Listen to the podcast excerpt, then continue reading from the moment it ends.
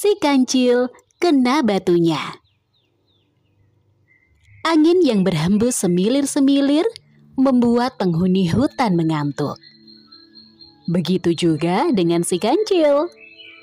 Untuk mengusir rasa kantuknya, ia berjalan-jalan di hutan sambil membusungkan dadanya.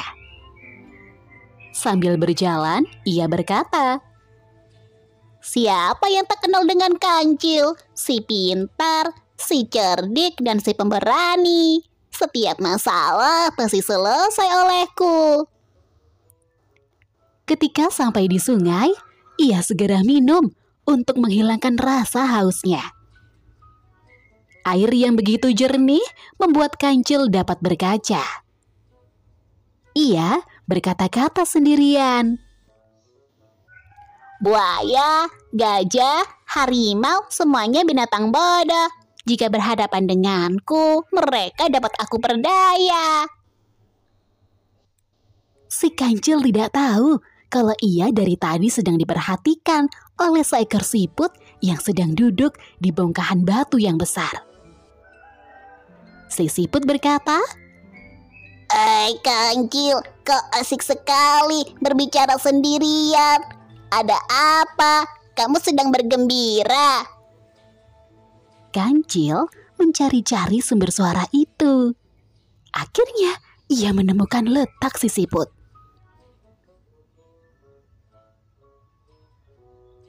Rupanya kau sudah lama memperhatikan aku ya.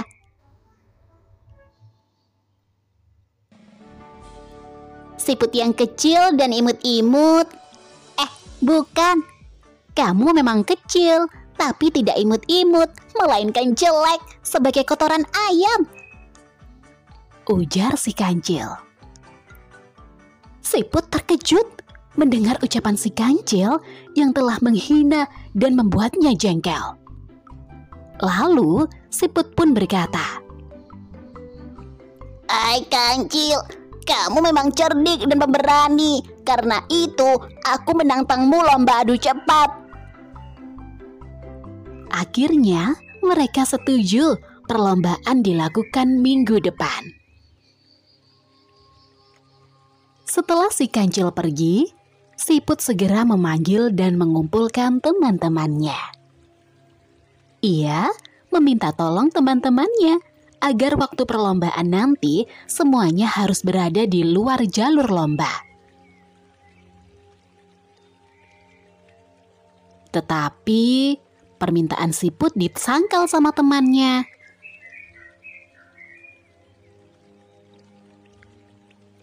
Kata teman si siput, lebih baik mereka semua berada di jalur lomba saja.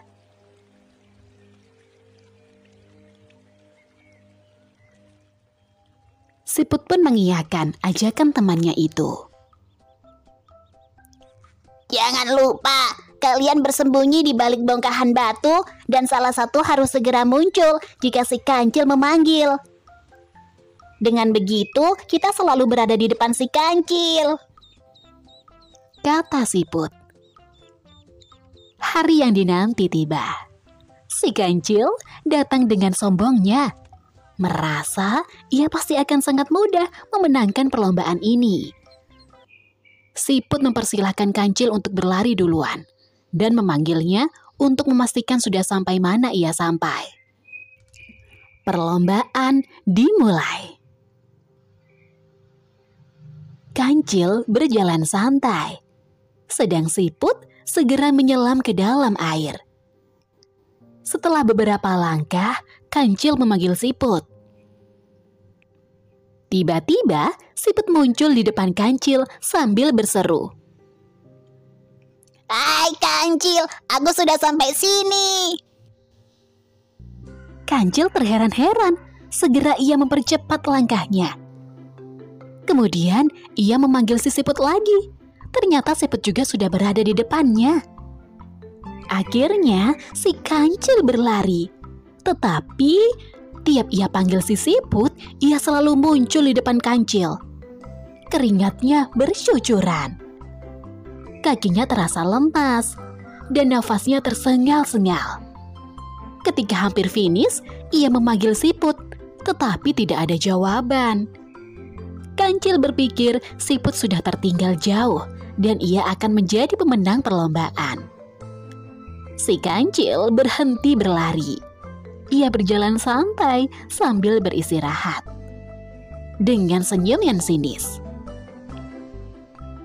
Kancil pun berkata, Kancil memang tidak ada duanya.